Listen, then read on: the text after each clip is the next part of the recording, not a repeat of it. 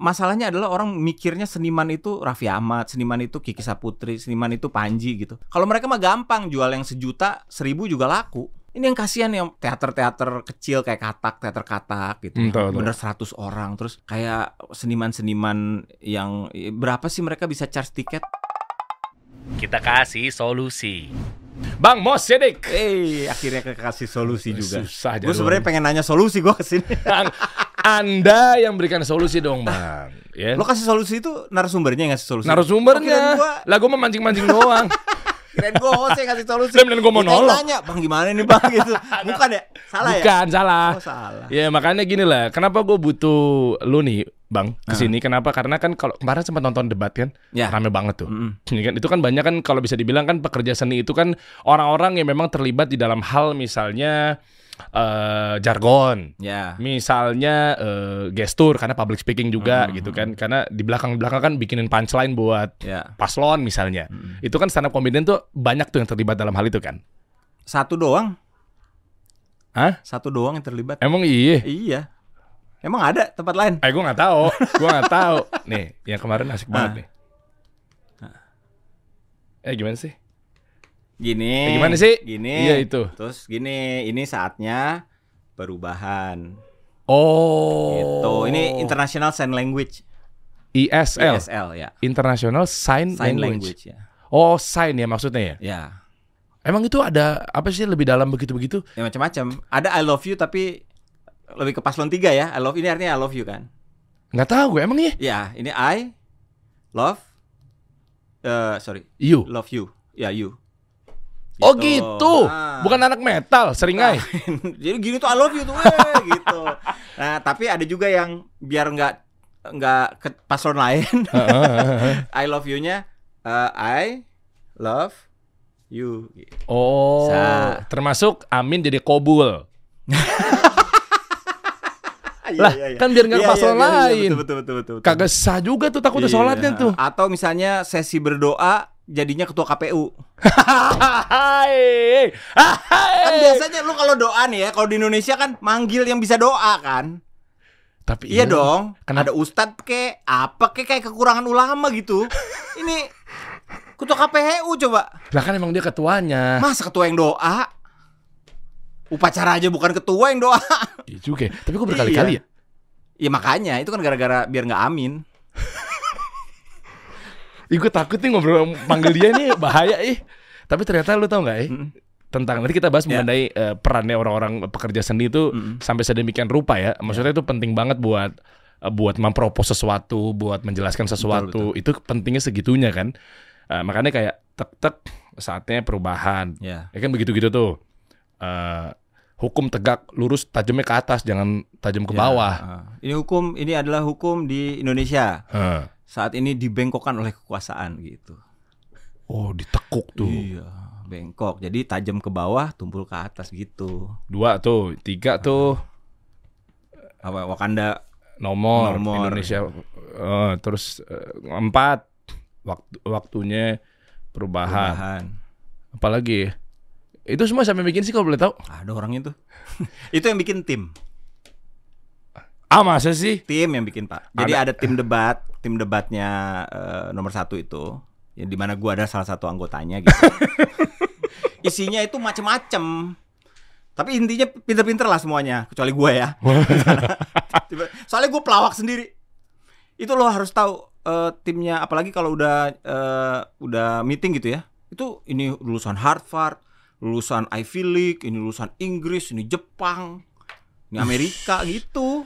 Nih gue gak mau politik praktis ya, tapi gue pengen kupas tuh lebih tepatnya gini nih. Ya nggak apa-apa kita bahas juga yang mungkin pasangan yang lainnya. Gue dari tadi. Unpar. Ah, Unpar, iya. Iya. Gue tuh pengen bahas mengenai strategi. Kayak kemarin gue ngundang Pak Bi juga tuh yang dulunya bikin jargon coblos kumisnya. Wah iya tuh. Iya kan, Nah. ya kan bersama kita bisa kan beliau ada di situ tuh gitu. Maksud gua di sini yang pengen dipetik adalah eh, buat pengusaha tetap gua gua nggak pengen disangkut pauti dengan eh, kerana-rana lebih dalam lah Iya, politik iya. praktis, tapi memang ternyata pentingnya hal-hal seperti ini eh, perannya pekerja seni. Ya. Intinya begitu. Ternyata kan dibalik ini semua kan ya bisa jadi mungkin bukan si paslonnya atau bukan pejabatnya yang memang mau di create ya, tapi bisa juga mungkin ada eh, konsultan personalnya misalnya, Iya. apa segala macam ya gitu ya. Mm-mm. Oh. Jadi eh, macam-macam yang yang eh, timnya itu nyiapin semuanya kan. Eh, kebetulan eh, Mas Anies itu orangnya harus data driven. Hmm. Data driven dan orangnya sangat-sangat percaya sama expert. Gitu. Jadi dia ngumpulin expert. Oh makanya lu dipanggil. Gua tadinya mungkin niatnya oh biar agak lucu nih. Sampai sekarang gue serius terus. Oh iya iya iya iya iya. iya. Dapet ah. Caimin Caimin kan juga Wah lucu. kalau Caimin udah lucu dari sananya itu. Iya. itu Pak. Itu gemoy sesungguhnya tuh ya. Tuh orang. Iya iya. Kocak banget. Gemoy sesungguhnya tuh. Iya. Iya iya iya iya. iya. Waduh. Oke, nah eh, tapi kan kalau kita lihat bahwa eh, ini semua kan nggak lepas dari orang-orang seni ya. Iya. Cuma kalau memang ternyata orang seni juga dibatasi kreativitasnya, Mm. kayak contoh yang data, gue pernah cek juga tuh, salah satunya tadi ada akun Disparekraf ya. Iya. Pernah juga eh, mengutip satu berita gitu terkait dalam hal, misalnya contoh wadah pekerja sini tuh di mana sih untuk dia menunjukkan dan Nah. mengeluarkan eh, apa ya narasinya, Ya. unek-uneknya itu kan tempat-tempat. Tapi memang apa iya dulu sama sekarang tuh beda dulu dan beda kini gitu loh. Maksudnya gimana sih tentang nasib dari Jadi pekerja gini. seni? Makanya gue manggil lu nih Om. Ya, jadi masalah eh, masalah teman-teman seniman itu adalah kita tuh jarang banget punya tempat untuk berkesenian.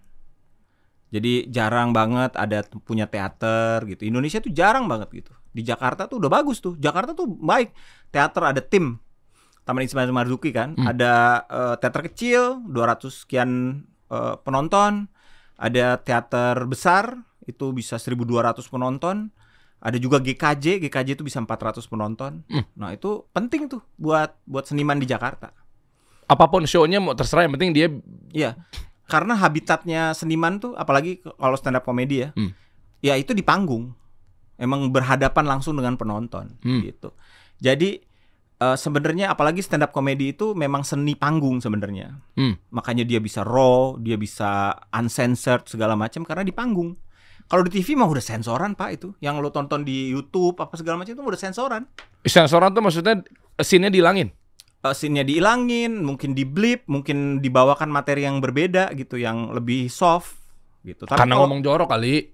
Ya, Enggak tapi- melulu, enggak melulu ngomong nggak jorok. selalu ngomong jorok, tapi bisa ngomong politik, Oh, karena tajem ya. tajem banget. Karena kan seninya seni mengkritik, seninya tuh seni bukan sorry, seninya tuh seni curahan hati. Stand up itu kan stand up-nya itu bukan berdiri, Lah gue baru tahu. bukan bukan ngelawak sambil berdiri, bukan. Stand up itu stand up for your right, stand up for what you believe. Stand up-nya itu asalnya dari situ. Hah? Oh gitu ya? Iya. Lah karena gue bukan stand up comedian ya. Maksudnya emang tuh bukannya kayak lo ngelawak ambil berdiri udah gitu. Bukan, bukan lawak Hah? berdiri artinya bukan. Ah, Dulu kita nyebutnya komtung, komedi komedi nantung. apaan tuh? nantung tuh bahasa Sunda berdiri. Oh iya iya iya, iya. Atau komedi tunggal enggak. Jadi komedinya komedi eh, karena sejarahnya itu kan di pelabuhan-pelabuhan ya. Di mana orang-orang tertekan, orang-orang terpinggirkan itu marah-marah. Tapi lucu gitu. Loh, di Amerika? Di Amerika di Inggris. Asalnya kan dari dua itu tuh, dari Inggris ke bawah ke Amerika. Oh, di pelabuhan-pelabuhan sana. Betul. Nah, di Indonesia juga mulainya dari situ, mulai dari kafe-kafe, mulai dari tempat-tempat tertutup, dari comedy club gitu. Cuman memang kita di pick up-nya itu sama TV. Jadi sebenarnya orang mengenalnya stand up comedy itu di TV, padahal sebenarnya di panggung-panggung. Jadi kami penting banget untuk punya panggung itu. Masalahnya mahal sekarang. Kenapa ya? Maksudnya Nggak kan ngerti gua. dulu Pak Heru nih, Pak Heru gimana sih Pak Heru? Bingung gua Pak Heru. Pusing, Pak. Pahe. ya ya ya. T- Oh iya dia soalnya sekarang lagi. Iya, jadi dulu gini. Ceritanya dulu gini. Jadi dulu tuh berantakan lah dulu tuh. Ini yang gue denger ya. Karena dulu tuh eh, zamannya eh, gubernur DKI itu Pak Jokowi sama Ahok tuh dulu iya. yang mereformasi. Hmm. Jadi dulu tuh masih mahal tuh bikin pertunjukan di GKJ gitu mahal aja. Mal tuh dari si siapa sih sewa? Bayar sewa. Terus Terus udah gitu akhirnya di kalau nggak salah tuh di remaja apa tuh di remajai apa Iya. tuh? eh, eh, peremajaan di ya? permajaan. Jadi Iya. termasuk staff-staffnya tuh yang gue denger tuh dulu. Jadi udah eh, pembayaran segala macam online apa segala macam. Jadinya itu adalah teater termurah di Indonesia. Nih bandingannya ya, Ah. GKJ itu cuma 5 juta nyewanya. 400 kursi. Murah amat. Murah 5 juta. Ya sama nyecep-nyecep ngasih-ngasih 8 juta lah. Apa tuh ngasih kalau boleh tahu tuh maksudnya apa tuh? Kan ada lembur, ada uang kebersihan, ada segala macam Oh, gitu. iya. Nah, kalau yang se- sejuta eh, 1200 Ah. cuma 30 juta. Hmm. Asik kan? Lu bikin pertunjukan teater kecil 3 juta cuman, Pak. Hmm. 230 penonton. Jadi istilahnya kalau misalnya ada orang ludruk gitu, Hmm. dia untuk eh, me- mementaskan ininya gitu, seninya, Hmm. dia cuma butuh butuh cari uang 3 juta 5 juta dari tiket. Sisanya dia bisa membuat sejahtera Oh ya, ininya gitu. ya margin gede kan nggak melulu dimakan sendiri kan bisa jadi Betul. buat karyawan. Itu kan Kalau tanggungannya stand up comedy makan sendiri ya. Iya Iya, sendiri ya. Sendirian. Sendiri ya. Ada kru lah gitu. Tapi yang kasihan tuh yang bikin-bikin teater gitu. Teater tuh krunya bisa 100. Nah, bayangkan sekarang si GKJ itu gua nggak ngerti gimana apakah subsidi dicabut atau segala macam. Sekarang GKJ itu harganya eh 20 juta. dari sewanya. 5 5 juta. juta. Berapa ratus persen masa sih? Ada apa ya? Boleh tahu nggak masalahnya kenapa pemerintah? Eh, nanti gua gua kasih itunya eh pengumumannya dari 3 juta eh dari 5 juta jadi 20 juta. Artinya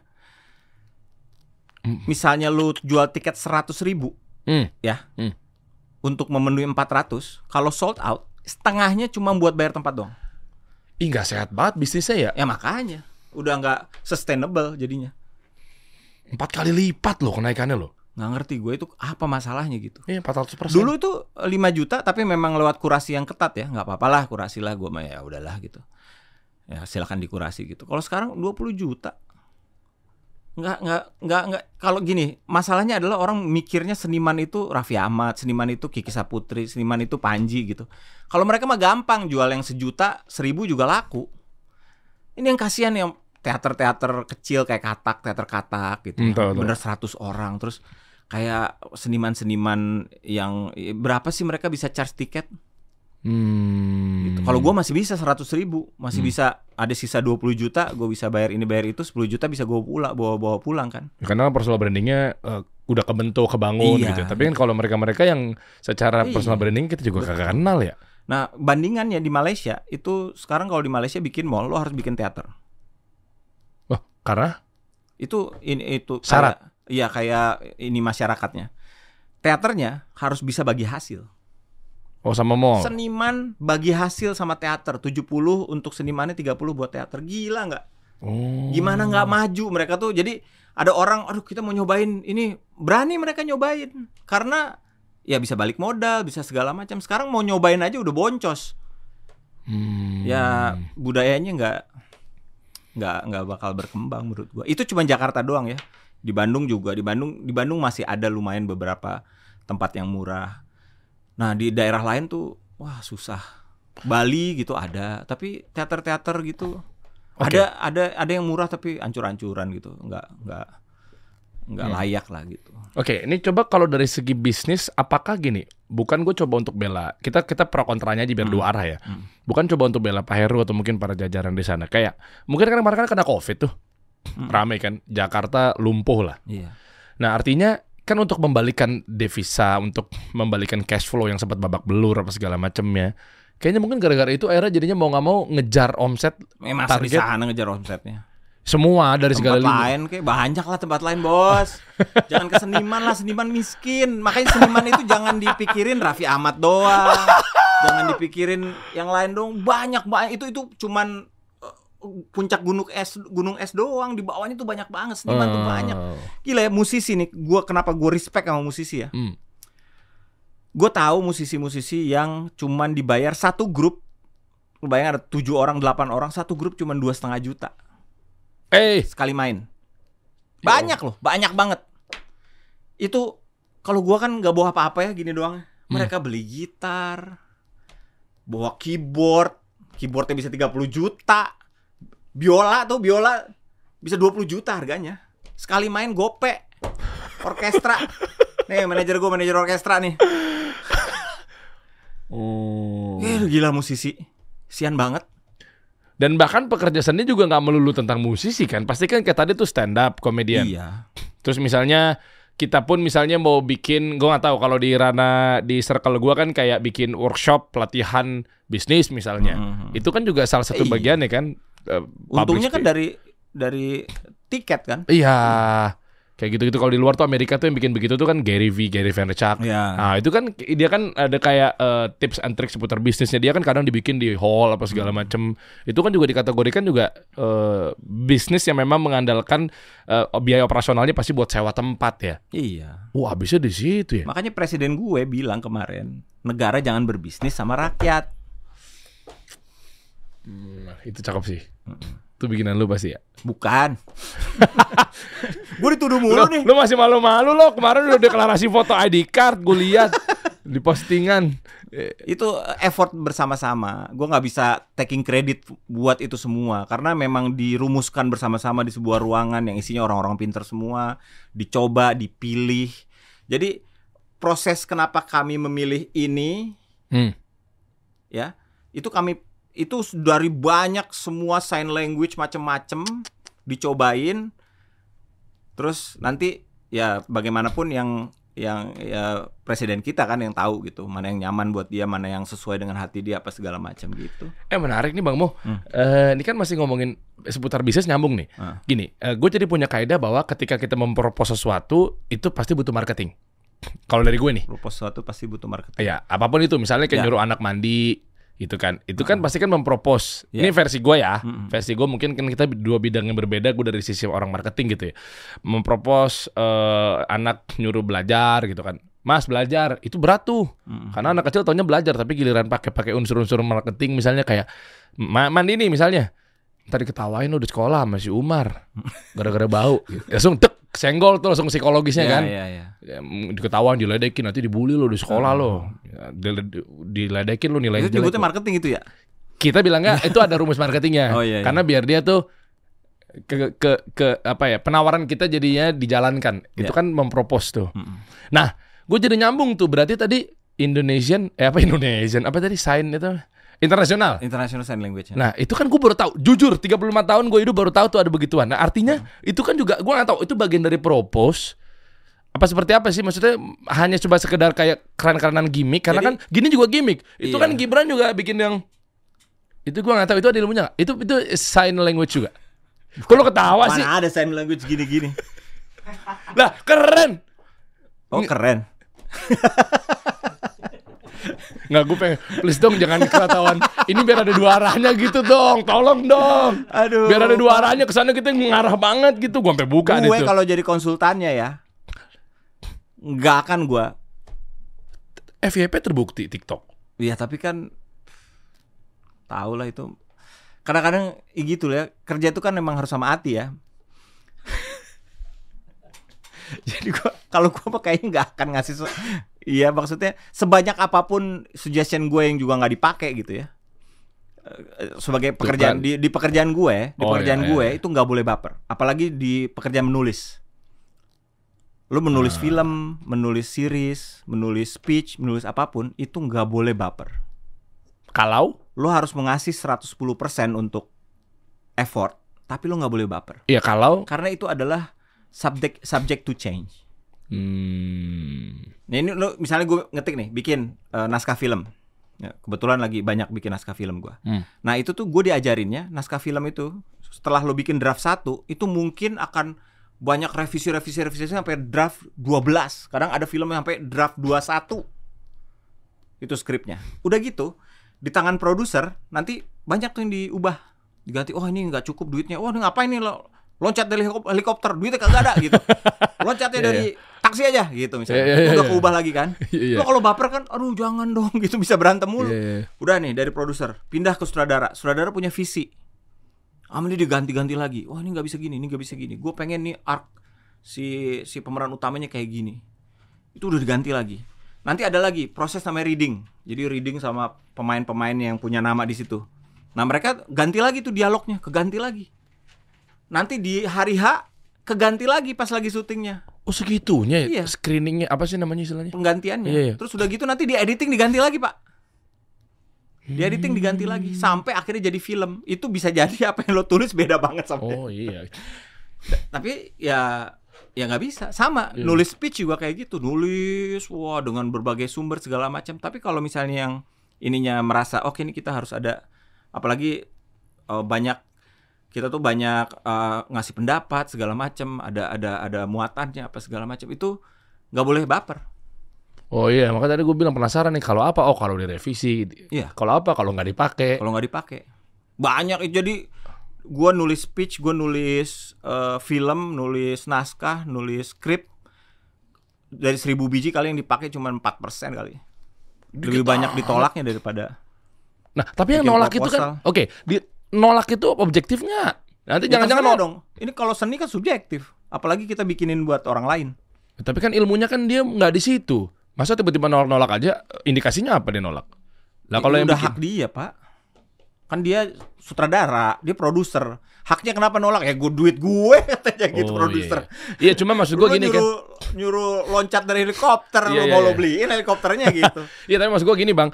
Nih, jadi eh, ketika Pak Tom Lembong Heeh. dipercaya menjadi eh, penulis contekannya Pak Jokowi waktu Iya. Pak Jokowi menjadi presiden dan menterinya Pak Tom Lembong, itu kan kenapa? Karena memang beliau dengan kepintarannya, kecerdasannya dan seterusnya gitu kan. Hmm. Akhirnya karena si si eh, siapa ya istilahnya keynote eh, speakernya lah ya, Hmm. atau pe- si pembicaranya itu karena bukan di bidangnya dan nggak tahu, makanya butuh Pak Tom Lembong. Ya sudahlah bantuin gue deh untuk begini apa segala macam. Nah eh, kalau nolak tuh kan lah gue aja pakai lu taunya ini bahwa ini nggak bagus nggak bagus nggak bagus dari seribu tulisan 4% saja yang di approve gitu Ya. itu gimana cara mengukur bahwa yang ditolak kalau- itu adalah jelek kalau presiden gue sih pinter ya Hmm. Heeh. jadi dia tahu "Oh, ini nggak cocok buat gue apa sesuai hatinya apa segala macam terus buat apa butuh penulis ya itu jadi seorang Sherlock Holmes itu butuh Watson ah Yang- ya, ya. mungkin nggak ada nggak ngasih secara langsung tapi dia bisa ngasih trigger atau apa mengingatkan dia soal apa atau misalnya cuma rutenya doang. Hmm, oke Batman juga butuh Robin ya? Iya. Ah. Padahal bisa sendiri aja bisa cuman ya bagaimanapun itu dia butuh itu karena ada ada ada mandeknya ada sibuknya ada segala macam. Eh kita bahas aja sekalian gini. Aduh tapi Batman tar- Robin. Bukan bukan. Oh bukan. Ngapa jadi bahas kartun? bukan bukan. Eh tapi takutnya tendensi ya. Gue Ah. coba untuk eh, ngambil. Tapi lu jangan giring-giring. tapi itu kan profesi gue Iya, coba kalau kemarin gue ngundang Pak Bi tuh untuk tentang tagline, Iya. jargon gitu ya. Kalau gue pengennya ngundang lu tuh dari segi kayak eh eh, bisnisnya adalah sebagai penulis, ya seorang public speaker. Apa yang ngomongnya? Seorang speaker ya. Zari Hendrik deh Yeah. dia kan punya perusahaan penulisan Nah, gitu kan? Iya. Nah, ini bisnis nih. cuman di bedanya di perusahaan kalau gue Betul. personal Nah, ya kalau memang berangkat kita tahu lah Bang Musidi kan berarti kan memang ada orang di balik salah satu paslon. Ya gue nggak mau di sebut yang tim mana. tim Tim lah ya tim tim ya. Pokoknya ada lah kan gue nggak mau politik praktis jadi ngapain Oh, iya. gue tendensi-tendensi. Salah satu lah ya, ya. ya. Ah. Nah, eh gip- sebut juga satu ya salah satu terus gimana gue sebagai orang netralitas Oh, iya, iya. dalam hal ini ya gue nggak mau tambahin ke mana-mana gue lah. mempercayai kenetralannya kok Ya kan gue undang semua. Iya, Arsat. Rashid pernah gue undang. Andre Rosiade pernah gue undang. Tom Lemo pernah gue undang. Hmm. Kebetulan memang lebih banyak yang ini gitu. karena waktunya banyak ya karena waktunya banyak lu jangan lu tambah-tambahin lo. Aduh waktunya banyak kayak mancing-mancing banget buat ngegiring. Iya iya. Nih, artinya gini. Ap- eh, kita bahas bisnisnya aja deh. Heeh. Bisnis seperti itu kan eh tricky ya, krusial ya. Nggak main-main gitu, bikinin skrip apa segala macem gitu. Memang terkadang juga dibikin agak ngeselin kalau memang eh, membersamai ketika nonton sebuah acara yang memang ternyata penulisnya sudah menuliskan orang itu gitu kan. Mm. Kayak misalnya tiba-tiba ada seseorang, kayak misalnya lu di balik salah satu paslon, kan agak kesel juga ya. Misalnya si A tiba-tiba di ruangan lagi anak-anak nonton ditebak-tebakin. Caimin habis ngomong begini nih, oke perubahan misalnya. Ya ngomong bener, keadilan. Hmm. Ya bener ngomong, kan agak ngeselin tuh. Nah tapi terlepas dari itu, itu lu ngukurnya gimana ya? Maksudnya Ngukur bahwa ini untuk mempropos sesuatu cakep. Makanya kan tadi kan ide lu cakep tuh beserta tim. Ada in- international eh, sign language, ya ada ininya, ada ininya. Maksud gua apa sih yang dibutuhin? Ini ini berlaku ke semua CEO perusahaan. ya ya apa pun itu. Ini gue coba pengen general, jangan jangan dipolitisasi nih. Kalau Sherlock Holmes itu kan ya meskipun dia fiktif ya, tapi itu digambarkan sebagai orang yang memang brilian. Hmm. Nah, kebetulan eh Mas Anies itu memang damn brilliant Wow. gitu. Dan orangnya tuh memang base eh kata gua tadi data data driven sama expert. Jadi semuanya tuh selalu kalau kalau misalnya kita lagi ngobrol nih, coba dicari nih. Eh, dia diinget tuh tahun 2021 persen kita pernah ini ngeluarin. Coba lihat datanya ada berapa gitu. Eh, tiba-tiba gitu. Nanti ada yang bagian data, bagian substantif gitu. Oh nyari, oh ya ini gitu. Terus kita tempel di sini. Nanti dia ini. Nah, kita tuh memang Watsonnya semuanya. Kita tuh men-trigger dia. Jadi apa yang eh, kita tuh nggak pernah mendikte gitu. Ini yang harus dibacakan. Nggak pernah. Dia tuh memang jago pak. Segitunya. Ini banyak orang yang nggak tahu nih. Makanya kita tahunya kan gue coba netral nih. Mm. Ah, memang dia bisa kerja. Retorika mulu dikedepanin. Mana kerja dong, buktiin dong, jangan ngomong doang gitu. Mm. Itu gimana tuh? Coba gue pengen tahu. Lu kan sering membersamainya 24 jam. Enggak juga. Lo bininya kali ya. Kami sehat kok kerjanya. Bu Ferry kali ah. Kami sehat kerjanya. Iya, iya, iya. Pagi, siang, ada istirahat sholat, apa segala macam. Iya, iya, tuh, nah, malam. Gue penasaran dari segi eh, apa ya eh, koordinasi kooperatifannya gitu loh. Gimana sih? Eh, jadi gini, ya yang kami lakukan adalah yang pertama nyari data, terus strategi, nah segala macam itu memang eh, kita propose. Hmm. Nanti beliau ke trigger tuh, gini gini gini gini, gue tahu nih gini gini gini. Ntar, tapi kadang-kadang lama nggak nemunya. Oke, ini misalnya udah nih, kita udah akhirnya kita merumuskan dari sekian banyak kita merumuskan openingnya. Terus dia baca, baca, terus selesainya selalu nanya gini, gimana, gimana, gitu. Kita harus mengev- kita ngevaluasi, ngevaluasinya juga nggak waktu gua pertama kan gue dari debat satu kan, Hmm. itu kirain gua tuh wah gila nih. Karena orangnya kalau mukanya serius kan serem ya. Hmm. Mas Anies itu kalau lagi Hmm. serius tuh kayak dosen kan emang lagi serius tuh gitu. Gue takut. Tapi orang-orang ini dengan mudah, Pak ini salahnya di sini Pak, ini gini Pak, gitu, cuek aja. Nanti dia terus reaksi pasti, oh gitu ya. Coba eh, rekamannya kita ini lagi, Eh, gitu. perfect banget. Makanya- Maksudnya perfeksionis banget gitu loh. Gue suka, wah gila. Oh ya. Itu yang membuat gue tuh, wah ini beda ya kayaknya gitu. Gue nggak yakin deh. eh, paslon lain menurut gue bisa seopen itu. Nah, terus gue ngerasa sangat beruntung aja ada di tim yang seperti itu. apa korelasinya bahwa kalau kayak begitu tuh kelasannya kan wow perfeksionis, oh kayaknya sistematis. Dengan isu-isu yang berada di luar sana tentang tidak kerja, ngomong doang, kan karena kan gue termasuk orang yang percaya bahwa yang namanya retorika penting Iya. ya untuk memecahkan sebuah masalah apa segala macam ya. Cuma kan image-nya kan begitu. Jadi jangan-jangan tersistematis juga kadang tidak bisa membuktikan bahwa orang ini kerja. Gimana dong? Ya itu menurut gua pemimpin itu bisa kerja atau enggak kerjanya bisa dilihat dari cara dia memperlakukan stafnya. Gimana dia bisa membuat eh, stafnya bekerja dengan kan ada yang galak banget ke stafnya. Hmm. Jadi kerja bagus apa segala macam itu gara-gara digalakin. Hmm. Pas orang yang nggak ada atau selesai, ya udah kendor lagi semuanya. Kalau ini tuh kita gua kerja baik itu karena malu. malunya gimana? Karena ini orang gila ini orang kerja bagus banget gitu. Jadi dia tuh kan eh, kayak apa ya? Kayak memimpin sebuah orkestra gitu. Jadi nggak perlu dia yang masuk solokan, nggak perlu dia yang nyangkul atau apa yang beresin baut gitu kan ada orang-orang yang bisa. Hmm, makanya nggak kelihatannya Iya di betul. situ. Menurut gua kalau bisa kerja nggak bisa kerja tuh harus ngelihat dia sebagai orkestrator apa bukan gitu. Hmm. Kalau lo pemimpin ya dia bisa bergerak semuanya. Itu yang gue lihat tuh roda-roda di sekeliling dia tuh rodanya bergerak semuanya. Mana nggak ada duitnya lagi. ya kan itu paling ini apa eh, modal modal kampanye kan paling dikit kan. Nah sekarang ini semuanya jadi gerakan. Bahkan teman-teman gue yang gue sangka emang komersil gitu, itu ya teman-teman namanya tuh seniman bersatu. ada mereka bikin kelompok namanya Seniman Bersatu. Hmm. Itu nggak ada yang dibayar pak satupun. Masa Semi, Hmm. eh, si eh, siapa namanya? David David. Itu udah kelas-kelas Abdur. Berarti ada sesuatu ya. Kenapa orang sampai sebegitunya ya? Maksud gua kan ikatan emosinya kan nggak mudah dengan bikin orang tuh nggak mau dibayar. Maksud eh bentar ya. mengenai bayar membayar dulu deh. Itu kan masih buzzer ya. Ada duitnya kan? Kagak ada. Lah kok mau? Duitnya kagak ada itu. Ah, masa iya? Beneran. Gua tuh bingung kenapa gua tertarik sama orang yang ada duit. Berarti kan ada sesuatu ya?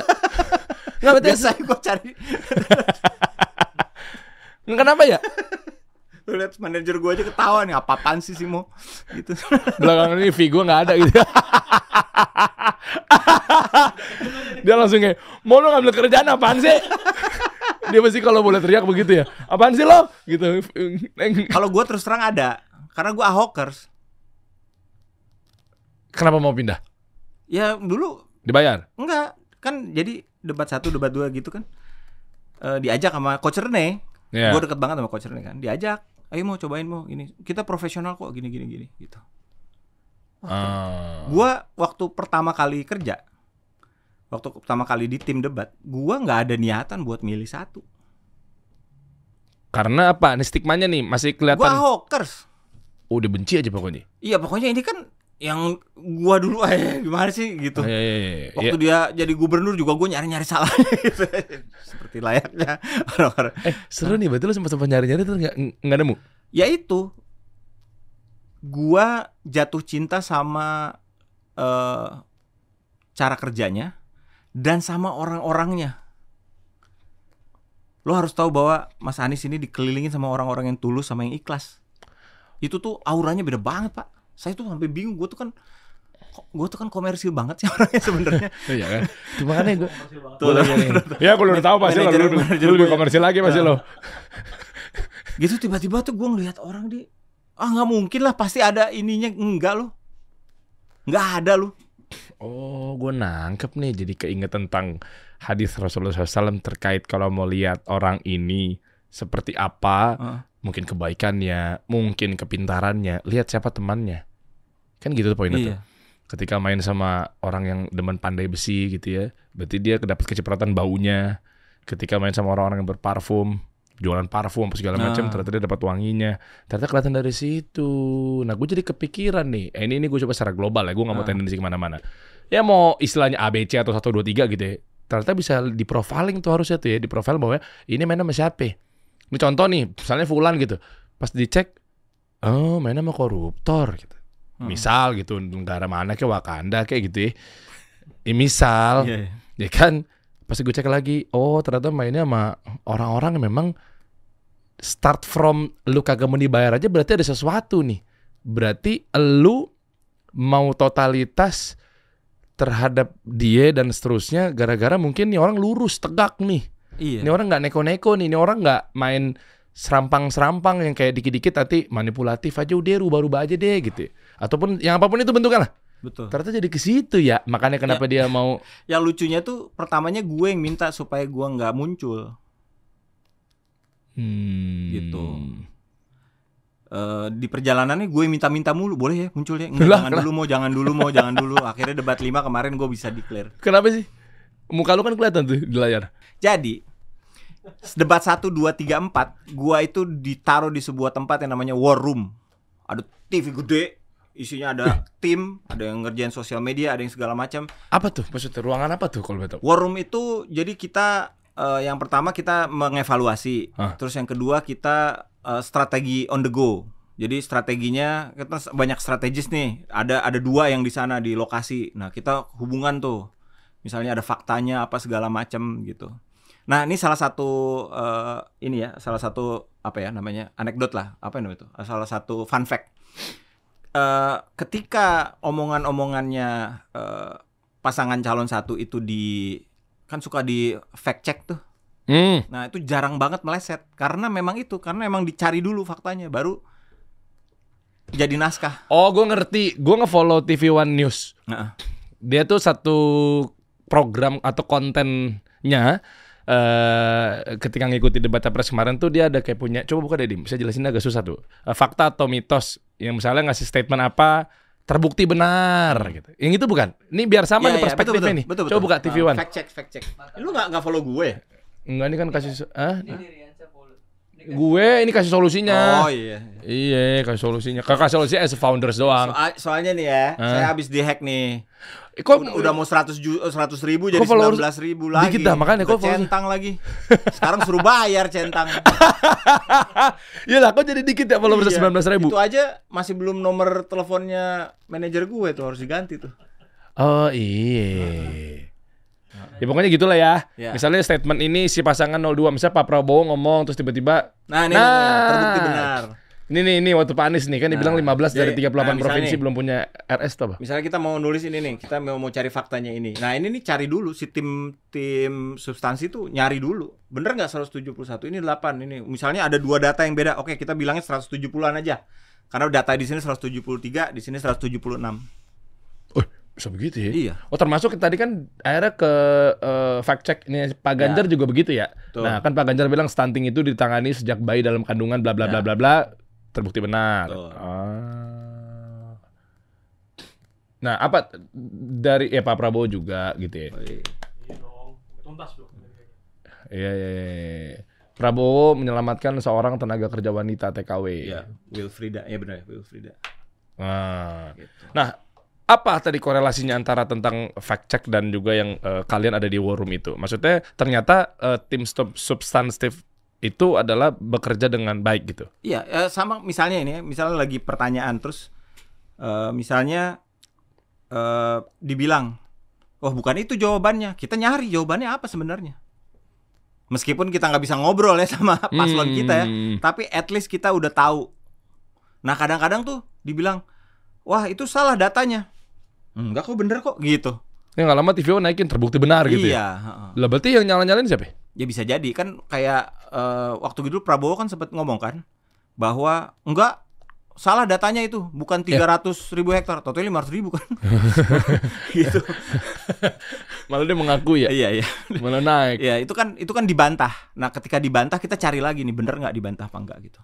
Hmm. Kalau masih bisa kalau bisa bisa di brief di brief kalau enggak ya enggak gitu. Tapi itu ada orang-orang yang pinter-pinter yang ya itu menyusun data, me- mencari strategi, bikin gimmick apa segala macam. Hmm. Gitu. Jadi gua seneng karena ini kerja timnya kerasa banget dan presidennya tuh emang terbuka gitu untuk masukan, untuk eh, ide, untuk apa eh, malah evaluasi. Kita ngevaluasi loh. Hmm. Gila kan? Aneh gue itu gue tuh kadang-kadang duduk di sini gue ngapain di sini? Kenapa ini gue bisa ada di sini gitu? Iya karena kan tempat sewa panggung buat show udah dimahalin. Makanya pivot nih. Seorang mau sidik. Iya kan? Nah itulah. Nyambung gak sih? Apa? Ini kalau gue coba untuk eh, Balik lagi. balik lagi dan sesuai dengan benang merah Gua obrolan kabur-kaburan kita. mulu gue ya. Iya, tapi nggak ya. tapi nggak apa-apa. Gue Ya. juga jadi penasaran tadi ngelihat sosok di balik ini semua tuh yang kita nggak ketahuan kan. Karena kan takutnya kan ada seseorang yang memang ternyata memang udah orang udah nggak suka aja lingkaran-lingkaran perbazarannya kan Hmm. ke sana tuh dia di gini ini gini apa segala macam. Nah makanya ketika ini, apakah kenapa jadi ngurusin begituan nih pekerja seni? Maksudnya kan lu bisa show, apa karena mahal? Ini nyambung nih tempat disewaannya mahal, akhirnya gue jadi ngurusin speaker gitu. Sebenarnya gue nggak ngurusin karena gue diminta. Itu pun kak denger-denger gue pilihan ketujuh. Buset, masa iya? Jadi udah nanya ke siapa dulu, nanya nanya ke Panji apa segala macam. Ini nggak bisa, ini eh, nggak cocok. Ya, Oh, gue yang iya. ketujuh, pilihan ketujuh. Jadi kan emang kita kan menyebutnya ini apa pun yang terjadi sama paslon satu itu pesan dari langit ya. Oh. Jadi kita meyakini oh gue yang ketujuh mungkin Iya, memang emang. takdirnya Iya. gitu. Dan kan katanya dengar-dengar juga eh, Panji juga malah rekomendasinya Rekomendasi gue ya. Iya malah oh, Panji aja kagak inget dia ngerekomendasiin gue. Iya, iya, kan begitu kan. Dia mungkin nggak mungkin berat eh, nggak nggak tahu alasannya apa ya tiba-tiba Masih ngerayu-rayu dia supaya balik lagi. Tapi jarang ke mana ya? Satu lah. Kan dia dulu jubir. Kagak dulu kan sekarang kan dia nggak ngomong Ya saya siapa tahu saya nggak ya masih sayang. Ya kan- kan nggak pernah tahu pak. Iya bener, Iya. Bang Panji. Tempat udah mahal di Taman Is- Ismail Marzuki, ya kan. Di New York juga Susah. Enggak, enggak. Kok dia yang bilang kok dia hidup susah di New York? Gila, dapetnya lagi patahannya. Gua mau masukin bahwa lu di New York juga lagi men- berjuang berkarir terus Berjuang, udah patahin berjuang. Gua ngerasa, susah-susah. gua ngerasain banget perjuangan dia di New York karena gua mengambil jalan yang sama. Cuman gua nggak sekaya dia. Gua memulainya di Malaysia dulu. Oh iya, Gitu. makanya gue beberapa konten-konten lu gua ngeliat bahwa eh, lu pernah ngasih tahu tentang eh, rekomendasi, eh, bukan rekomendasi ya, pengalaman lu ketika melihat program-program super spontan, Iya. Johan Zizan, Heeh. gitu-gitu kan. Iya. Kan gue pertama lihat nih, yang nggak pertama lah pertengahan lihat eh, suara Mo Sidik.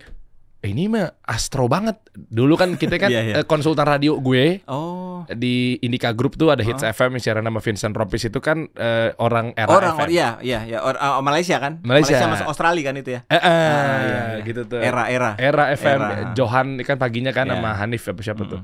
Eh, Jadi gue lumayan tahu tentang pergerakan penyiar-penyiar di Oh. Malaysia pas tadi lu kemarin. Kan lu bawa juga kalau nggak salah di Suca ya. Yang Iya, sambung abjad apalah itu. Iya, iya betul. Eh, itu improv komedi improvisasi. Ya, ya, ya, ya. Anyway, ternyata itulah karena memang ternyata pekerja seni itu dibutuhkan dalam beberapa aspek Mm. karena luas ya spektrumnya ya.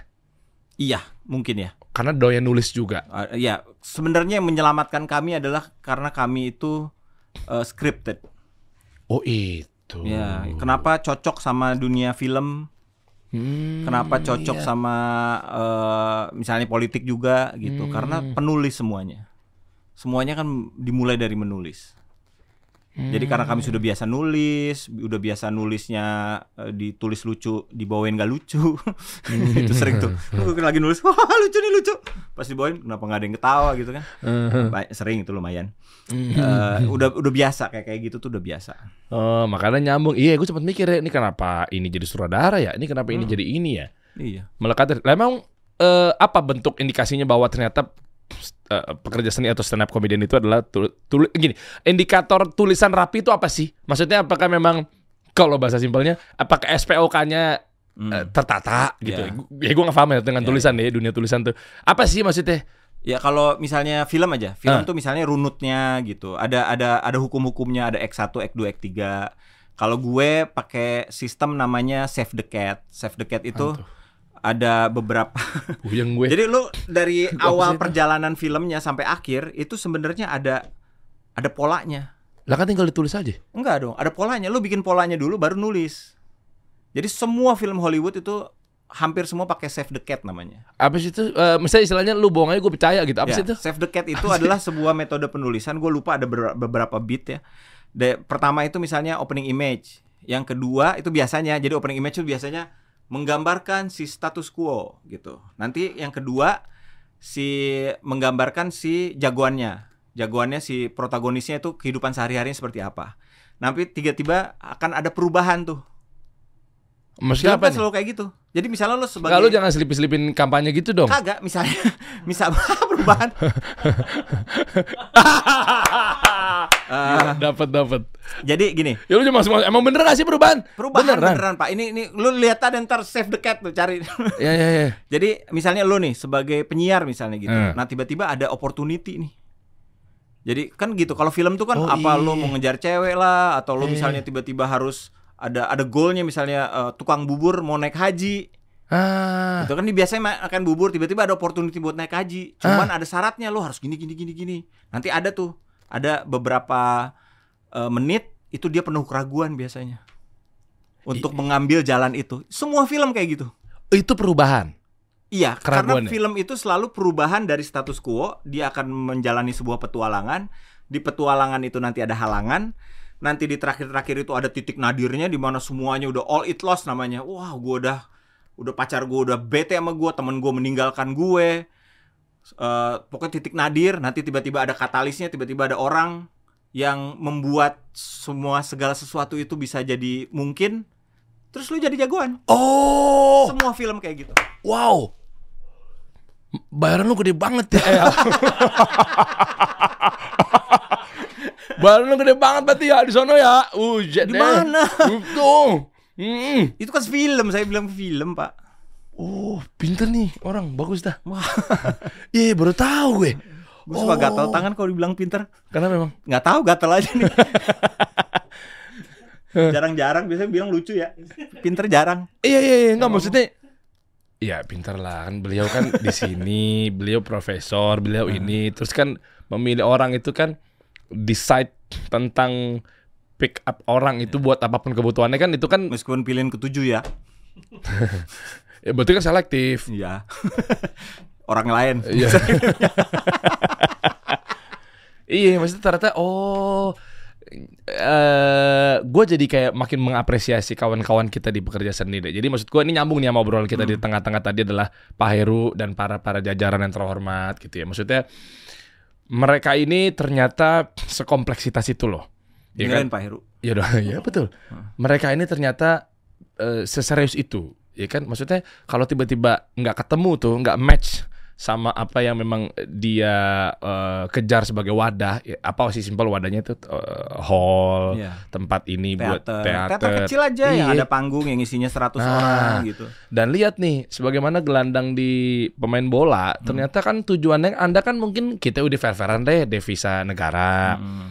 revenue negara gitu kan. Maksud gua ah ini pas nih momennya. Mungkin anda-anda kan sangat sibuk ya, jadi kan karena kan pasti kan nggak bisa ngelihat ternyata pekerja sini dikira cuma Raffi Ahmad doang, Iya. dikira cuma hahahi apen ininya sih biasa aja kayaknya Hmm. tawa-tawa doang nih. Tapi ternyata mereka itu punya peran penting di balik itu tadi politik apa sih eh, paslon Ya. di balik perfilman. Lu bayangin ketika ini orang-orang yang seperti beliau-beliau ini, bapak dan para pejabat Ininya yang agak gede ya. Oh, iya. Beliau, beliau, Eh gua gak maksud, gua gak maksud. Tentang kurus kan. Beliau beliau. Gua gak, ya memang depan gua segi, segini mah. Jadi masa gua Baju-baju yang lama masih ada nggak? Gila gua kena gue. Iya iya iya, gua gak bisa ngeceng-ngecengin dia ya. Ah, sadar lo, lo juga dulu segini nih gitu ya. Cepet berat gue dulu ya. Waduh. Oh parah ya. Nah anyway balik lagi, ternyata kalau memang orang-orang yang eh, beliau-beliau yang memang bekerja seperti ini ternyata masuk ke segala bidang, lu jangan lihat cuma sosok hahihin orang doang ya. Ternyata kan ekonomi tumbuh ya.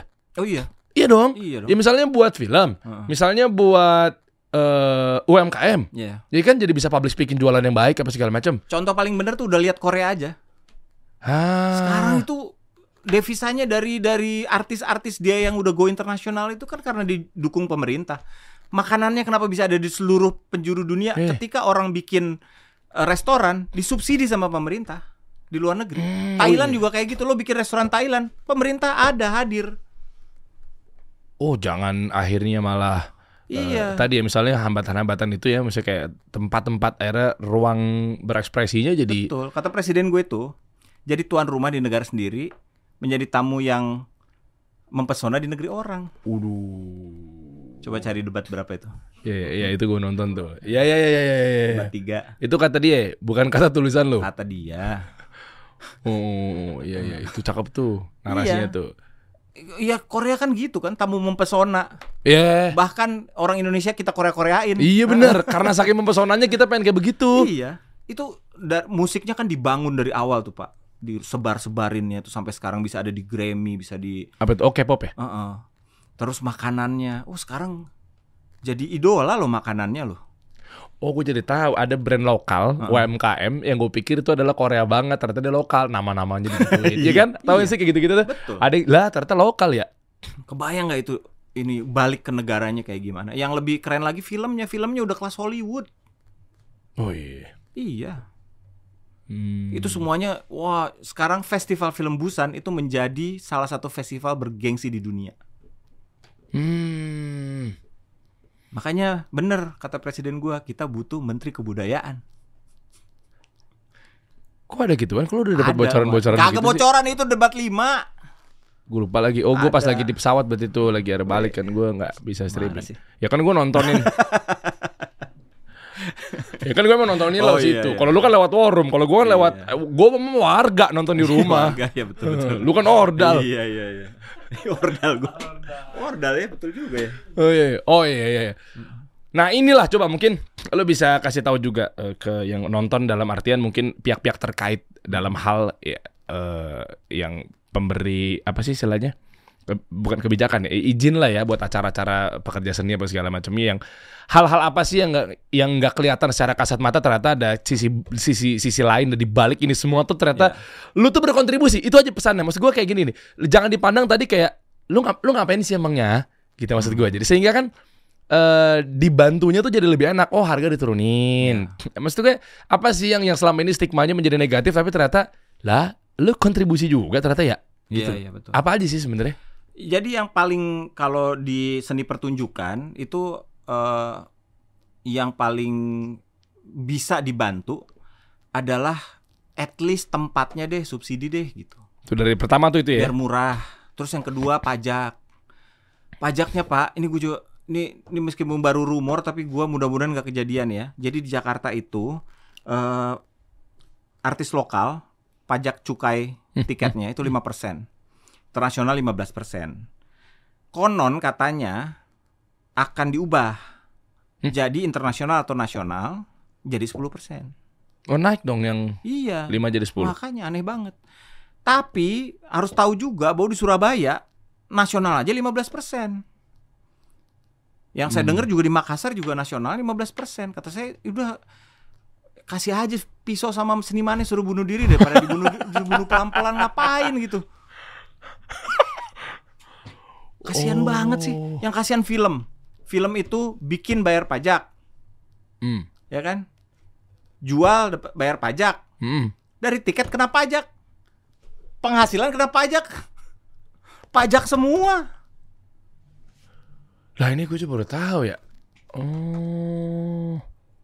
Ya, Tapi masa gimana? mereka nggak tahu? Pasti tahu lah. Masa sekompleks ini apa nggak terlalu dalam itu taunya? Nggak ngerti gue mumpung lagi pilpres kali ya sekarang. Maksudnya apa hubungannya? Ya kan kalau pilpres kan jauh lebih didengar lah ya. Oh. Ya kan? Maksudnya Inspirasi kita tuh seharusnya jauh lebih didengar gitu. Maksudnya kenapa? Karena mereka udah saatnya nyari-nyari eh, citra gitu kan. Iyalah gitu lumayan enaknya pilpres kan kayak gitu kita bisa bisa memilih mana yang cocok gitu. Kalau seniman menurut gua gua bis- gua tuh cukup bingung ada seniman yang nggak mendukung paslon satu Hmm. karena ini ada ke ini kebudayaan terus ya itu dihitung kemarin ketika ngomongin soal hubungan internasional bahwa yang akan menjadi duta besar Indonesia itu bukan cuman eh, diplomat tapi ada diplomat kesenian gitu kan. Ada diplomat apa tuh namanya eh, orang-orang yang tinggal di luar negeri gitu. Pekerja-pekerjanya itu semuanya kuliner. Disebut juga kuliner film tuh sama sama sama, sama Hmm. Mas Anies tuh. Oke, nah mau gini deh, gue penasarannya, eh tapi jangan jangan jangan tendensi ya, Hmm. gue pengen tahu secara global aja deh. Eh Ya gue terlalu tendensius ya maaf ya. nggak apa-apa, gue ada kebutuhan. jatuh cinta. Ya, ya, ya, ya. yang nggak dibayar Abah. itu, yang nggak dibayar itu. Jatuh cinta kan tulus. Iya iya benar. Nih, Cie, gue dicolek lagi sama manajer gue. lu jangan. Tulus tuh penyanyi. Ya ya ya ya ya ya. Ya ya ya betul betul kata dia gitu ya. Lu jangan ngambil gratisan mulu lo. Iya. Nah, ini cutnya. Kan manajer dapetnya cut dari ya ya. Nah, anyway gini. Eh dalam gue jadi lupa tuh apa itu tadi tuh. Ah, gara-gara tulus nih. Eh, Oh ini. Em, kan eh, si poin-poin tadi kan ternyata me- me- mengingatkan gue pada eh, balik lagi kontribusi apa segala macam ya. Iya. Tadi lu sempat singgung. Hah. Kita coba global ya, jangan ngarang-ngarain. Gue suka bingung kenapa seniman nggak pilih ke sono misalnya. Hmm. Gue suka bingung kenapa pengusaha nggak pilih ke sono gitu. Maksud gue jangan-jangan Kalau pengusaha sih pasti milih sana ya. Lebih menguntungkan mungkin. Terus terus. eh, maksud lu berarti kalau pengusaha pilih yang sini nggak bakal dapat ada masa depannya gitu. Berarti gara-gara itu kali. Kali. Makanya itu katanya 100 orang terkaya nggak ada yang nggak ada yang kontribusi. Gitu. Buat apa biar lancar bisnisnya. Ya tahu. Makanya ya itu kan Ah, ini kita bahas aja. Ini yang pengen gue bahas sebetulnya. Eh, Caimin tuh cukup keras ya ke ke ini kan. Kemarin juga itu seperti eh, ada sebuah ruangan kecil yang ngaku mereka itu menguasai sepertiga perekonomian Indonesia. Hmm. Ada di sana kan? Nah, kita bahas deh. Kenapa akhirnya jadi ada kotak-kotak? Kotak apa? Misalnya kayak seni, gue suka bingung kenapa seni nggak pilih ke sini. Pengusaha, nanti dia juga ngomong juga, gue malah bingung kenapa pengusaha nggak pilih kita kan padahal kan buat kemajuan usahanya. Nah, gimana nih? Itu kan cara yang paling gampang buat memilih orang yang paling relate sama kita gitu. Ya sekarang gue makannya dari seni. Nah gue kan pengen makmur nih anak istri gue bisa makan. Akhirnya gue akan memilih presiden yang akan berjuang buat gue. Misalnya lu nakes, ya cari presiden yang berjuang buat lu.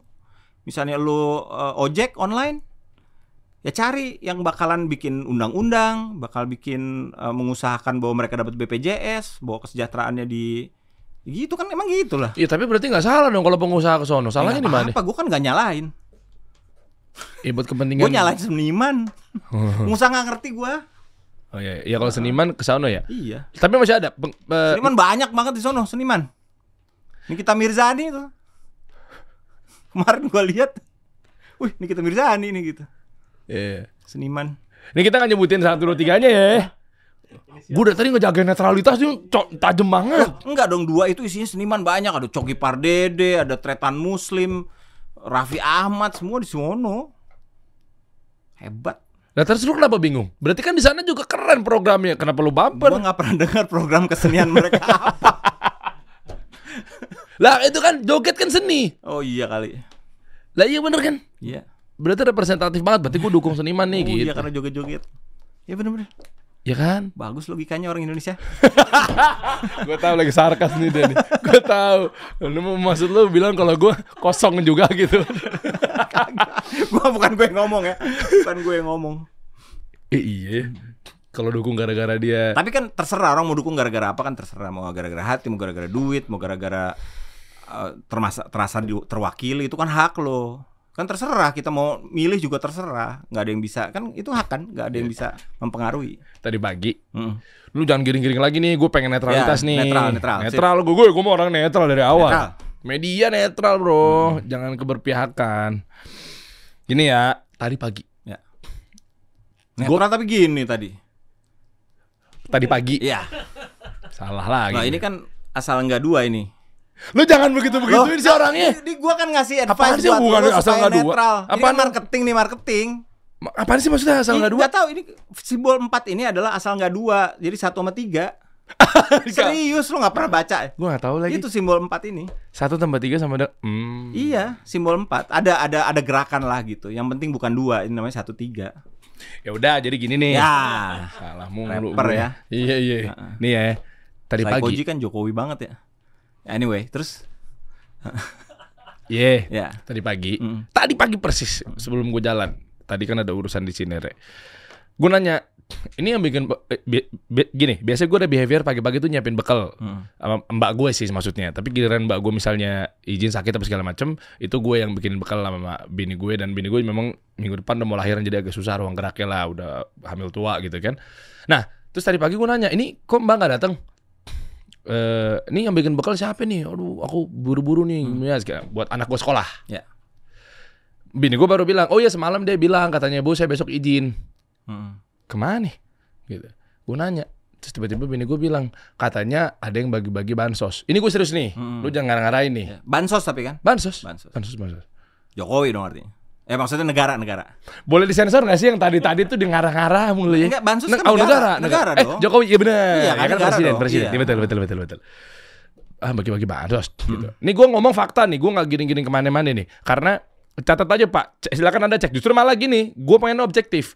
Jangan-jangan mungkin mbak gue bohong. Nah, jadi gue bongkar aja nih. Ya. Gue nggak tahu sih kalau untuk di calon legislatif tuh ada di dapil berapa, tapi rumah gue di Keranggan, Cibubur. Ya. Di situ ada tuh tadi pagi. Izinnya buat gara-gara dia mau nerima bansos. Bu lumayan bu, kan gratisan. Mm. Mbak gue nih bilang ke bini gue, bu kan izinnya bu ya, nggak apa-apa. Iya udah deh nggak apa-apa deh kesian gitu. Tanya lagi, bini gue juga nggak gali-gali tuh. Tapi katanya dari bukan dari yang tadi lu bilang apa presiden ya? Iya. Dari paslon. Iya, aku bingung. Kalau paslon bukan bansos dong. Lah makanya gue bingung. Iya. Lah. bansos mah negara masa. Lah iya makanya, iya makanya Iya. gitu. Terus bini gue coba gali-gali. Oh yaudah, silakan deh dari pemerintah dibantu. Hmm. Oh bukan dari pemerintah bu, ini dari paslon. Bini gue bacanya bingung lah. Hmm. Jadi baru ngomong ke gue, gue sambil nyiap nyiap. Bohong tuh artinya pembantu lu tuh. ART-nya bohong. Masa Oh iya juga. paslon ngasih bansos? Bansos dari pemerintah itu pakai uang pajak lu, pajak gue itu. Mbak bohong nih, Iya. mbak gue berarti ya. Salah kalau nggak artinya bukan bansos. Nggak mungkin Bansos, bansos. mbak, mbak, mbak, tanya bini gue, bansos, dia bilang bansos, makanya diizin karena bini gue melihat tentang Hmm. perannya pemerintah terhadap eh, kaum kaum memang mam- butuh apa Oh. yang membutuhkan. Ya kebetulan aja kali yang ngasihnya pakai masih pakai kaos kemarin. Ya siapa tahu kan, nggak boleh suzon lu. Makanya gue mau nanya, enggak gua, makanya gue mau nanya sama lu. Maksudnya lu kan lebih paham tuh kayak begitu-begitu. Maksudnya kayak kok Justru gue nggak paham Ya, kok kenapa bansos bisa di bagiin sama paslon. Gue nggak paham, nggak ngerti gue. Terus bini gue jadi kayak lah awalnya diizinin karena kan program pemerintah. Heeh. Lah kok tiba-tiba ngambil bansosnya dari paslon gitu. Iya. Makanya jadi kayak ya udah terlanjur diizinin lagi kesian juga deh. Bukan Indonesia kali. Bini gue kan di Oh, Indonesia. Indonesia ya. Mbak gue juga orang Indonesia, no Cibubur, Keranggan, Nggak mungkin lah kalau menurut gue. Jati Sampurna. Lu cek aja dah kalau nggak percaya tadi pagi. Ya nggak nggak percaya gue. Iya Nggak kan, mungkin lah ada yang sependek itu pikirannya. kita nggak tahu. Siapa tahu bansos buat pansos. Iya. Wih, Pak. Keren ya. Konsultannya siapa ya nih? Eh, lu. Mau di ujung obrolan nih Iya. Bang Mo. Kira-kira nanti gimana nih untuk ke depannya terkait ya lu coba closing statement selama 30 menit lah. Buset itu. itu mau di segmen berikutnya ya, Iya, bukan itu saya bukan. stand up. Gimana sih sebenarnya nih eh, tentang pekerja seni plus juga harapan Indonesia ke depan? Ya, ah, ini menarik nih. Tapi lu jangan jangan ya, ya. jangan subjektif. Lu pasti bilang presiden gue presiden gue mulu dari tadi orang gue pengen netral. Ya. Apa sih yang kalian butuhkan gitu loh, udah gitu aja. Mungkin di episode ini gue terdengar nyinyir ya. Hmm. Tapi menurut gua nyinyir gua itu itu hak gue sebagai seniman karena eh seharusnya negara itu hadir untuk seniman-senimannya dan seniman itu bukan cuman yang kaya-kaya doang yang Raffi Ahmad sekali lagi terus sebut terus Raffi Ahmad Hmm. Eh, tapi lebih banyak lagi sebenarnya seniman-seniman yang lebih ini lo kalau nonton film yang jadi pemeran utama mungkin cuma empat orang tapi figurannya yang cuma dibayar lima puluh ribu, seratus ribu per hari nungguin dari jam 4 pagi sampai jam 8 malam Eh, itu bisa ratusan. eh, artinya? Ya artinya itu fenomena gunung es yang kaya itu, yang seniman yang mampu yang kita anggap. Makanya di Indonesia tuh kata-kata artis itu sangat karena orang Indonesia nggak bisa ngebedain antara artis sama selebritis. Iya, iya, gitu. iya, Padahal iya. artis itu seniman sebenarnya, bukan selebritis. Kalau artis yang udah ngetop banget, yang hidupnya udah glamor apa segala macam itu selebritis gitu. Jadi lebih banyak lagi yang miskin, Pak. Pelawak karena gua pelawak ya. Eh, pelawak itu lebih banyak lagi kita lihat Mat Solar yang sukses banget eh, sekarang dalam keadaan miskin lebih banyak lagi pelawak-pelawak lo lihat deh pelawak-pelawak itu. Yang yang yang hidup eh, meninggalnya tuh. Lela Sari ya? iya ya macam-macam lah. Maksudnya udah itu kan gara-gara negara nggak hadir buat mereka. Ini belum ngomongin atlet belum ngomongin nakes belum ngomongin segala macam gitu. Jadi ya karena gua seniman ya gua berjuangnya di sana gitu. Hmm. makanya gua terdengar nyinyir karena bagi gua sebenarnya nggak susah-susah banget kok ngebantuinnya gitu kalau misalnya nggak mau ngasih ikan ya kasih kail nggak mau ngasih kail ya adain kayak kolamnya gitu Wah keren. Iya iya iya iya. Karena kan biasanya mindsetnya kalau ngasih ikan besok lapar lagi ya. bisa jadi kalau ada kolamnya kan ya berenang lah ya seger gitu biar lapar tapi seger kan lapar iya tapi seger Iya iya iya. iya. Dan ternyata harapannya gimana? Eh, coba dong disambung-sambungin ini menarik nih. Kenapa akhirnya lu ini pilihan lu ya? Ya. Gue nggak mau lu jadi akhirnya jadi campaign dari tadi gue ngejagain banget biar lu nggak nggak keluar campaign gitu loh. Iya, iya. Ya, nyuruh untuk ke sono gitu enggak tapi netralitasnya tetap kita jagain ya mudah-mudahan ya artinya eh dengan keresahan lu tadi barusan bahwa kenapa menaruh harapan kepada di misalnya eh, nanti siapa peng- penguasa dan pemimpin kita ke Ah. depannya dan apa lu dapat ngelihat kok segitunya ya eh, kawan-kawan gue nggak mau dibayar nggak mau jadi buzzer tapi berarti kan ada sesuatu terselubung yang belum ke blow up ke Iya. media gitu kalau gua ngomongin soal itu gue pasti dibilang kampanye tapi kalau gue bilang apa gue sebagai seniman gue ngerasa program-program untuk seniman yang ditawarkan Hmm. itu bagus banget. Mulai dari eh, ada apa namanya nanti ada eh, bioskop, terus ada subsidi. bioskop kan emang udah ada bioskop Kan masih dikit pak. Oh, ditambah. Indonesia tuh dikit banget bioskop. Hmm. Masih masih dikit banget. Masih ke bioskop yang sedikit membuat filmnya juga harus senggol-senggolan gitu. Hmm. Ada film yang lagi eh, tampil sekarang judulnya Exile tuh bagus banget, cuman karena kalah sama yang komersil jadinya nggak nggak dapat nggak banyak dapat eh, layar gitu. Hmm. Terus udah gitu belum lagi perkenalan si budayanya ke luar negeri gitu. Menurut gua ini cocok nih gitu. tapi kan eh, Tapi itu kan menurut gue. Iya, tapi kan pemilihnya bukan cuma seniman, Mo. Ya kan gua kan seniman. Bukan bukan maksud gua kayak Kalau pemilih yang jenderal lainnya. iya. Jadi eh, Iya, itu maksud gua kenapa harus eh, eh, apa namanya akhirnya memutuskan gitu loh maksudnya. Jadi caranya lihat aja di dari tiga calon nah ini menarik nih. mana yang paling mirip sama lu, Oke. mana yang akan memenuhi harapan-harapan lu, mana yang lu akan nyaman kalau dia eh, kalau misalnya dia ngaco gitu, lu akan aman ketika mengkritik. Karena bebas berpendapat. Ya betul, karena itu Hmm. eh, terus terang meskipun dibilangnya kita bebas pendapatnya, tapi masih banyak orang yang eh, kena undang-undang ITE. Maksudnya cuma gara-gara ngomong dong masuk penjara gitu. Ya boleh dong, nggak usah dimasukin penjara lah gitu. Kenapa sih masuk penjara gitu kan? Hmm. Gitu. Eh, malah kemarin sempat ada yang kayak gini. Ada orang eh, dia punya masalah di apartemennya, terus dia ngomong di sosial media soal developernya, sekarang di penjara. Lah kan di korban. Kok dia dia di penjara? Karena undang-undang ITE. Oh. dianggapnya menyebar kebencian gitu tapi ya udah nggak usah dipenjara lah gitu nungguin nungguin persidangannya kan dia nggak bahaya gitu Ah, Gitu. oh maksud lo berarti kalau dengan ada program yang akhirnya kalau bisa lebih baik atau mungkin apa segala macamnya Ya, tersono. Tapi kalau memang misalnya hukum Iya, kalau itu memang kan- misalnya itu kan sam- yang kata hmm. gua tadi kan tajam ke bawah tumpul ke atas tapi kalau misalnya kayak nggak ada perubahan gitu-gitu aja maksudnya Iya, coba lu mungkin. pikir ulang gitu. Iya, mungkin sekarang- eh eh eh eh. Mungkin. ini bagi gue ya gua- sign language. Ya, ya, ya, ya. Gue jadi pengen ngasih kode ke atau sign language ke tim gue nih. apa tuh Weh. Yang manggil burung dara gue. oh Itu bawa. Mana? Hadiah. Oh nggak ada, udah habis hadiahnya. Oh nggak usah katanya udah. ini padahal sarung bagus loh ini sarung Iya, satu-satunya sarung yang gua muat ini Nggak muat. muat ini. Nggak enak katanya ngomongnya. Oh. Mungkin dalam hatinya emang muat pak gitu. Maksudnya gini aja deh, gue alih fungsikan aja deh. Iya. Nanti gue kirim ya, mungkin gue Ya. lebarin deh. Ya. Jadi buat kawan-kawan nih, buat tadi Dimas, buat Bang Mo Sidik gitu ya. Artinya bentar lagi mau Ramadan, tadi gue mau manggil, Ya. nih sini kasih tahu dong. Temen gue di sono, temen yang bisa nemenin kita buat ibadah. oh Tadi gue mau manggil, orangnya iya, keburu iya. ngacir. Oh. Ntar gue nggak muat bang, kabur deh gitu. Ah, iya, iya, iya. Adanya cuma di sini nih. Ah, ah. Akhirnya di sini munculnya. Jadi sebentar lagi bulan Ramadan, buat kamu yang lagi cari teman ibadah terbaik bisa scan barcode di sini. Weh, ada ntar di sini nih. Ada. Oh iya nih tuh. Ada tuh. kan Oh, tuh. iya. Saya alangin dah biar nggak bisa di Jangan, jangan. jangan. Lo orang mau scan ya Oh, iya. halangin lo. Ribut lo.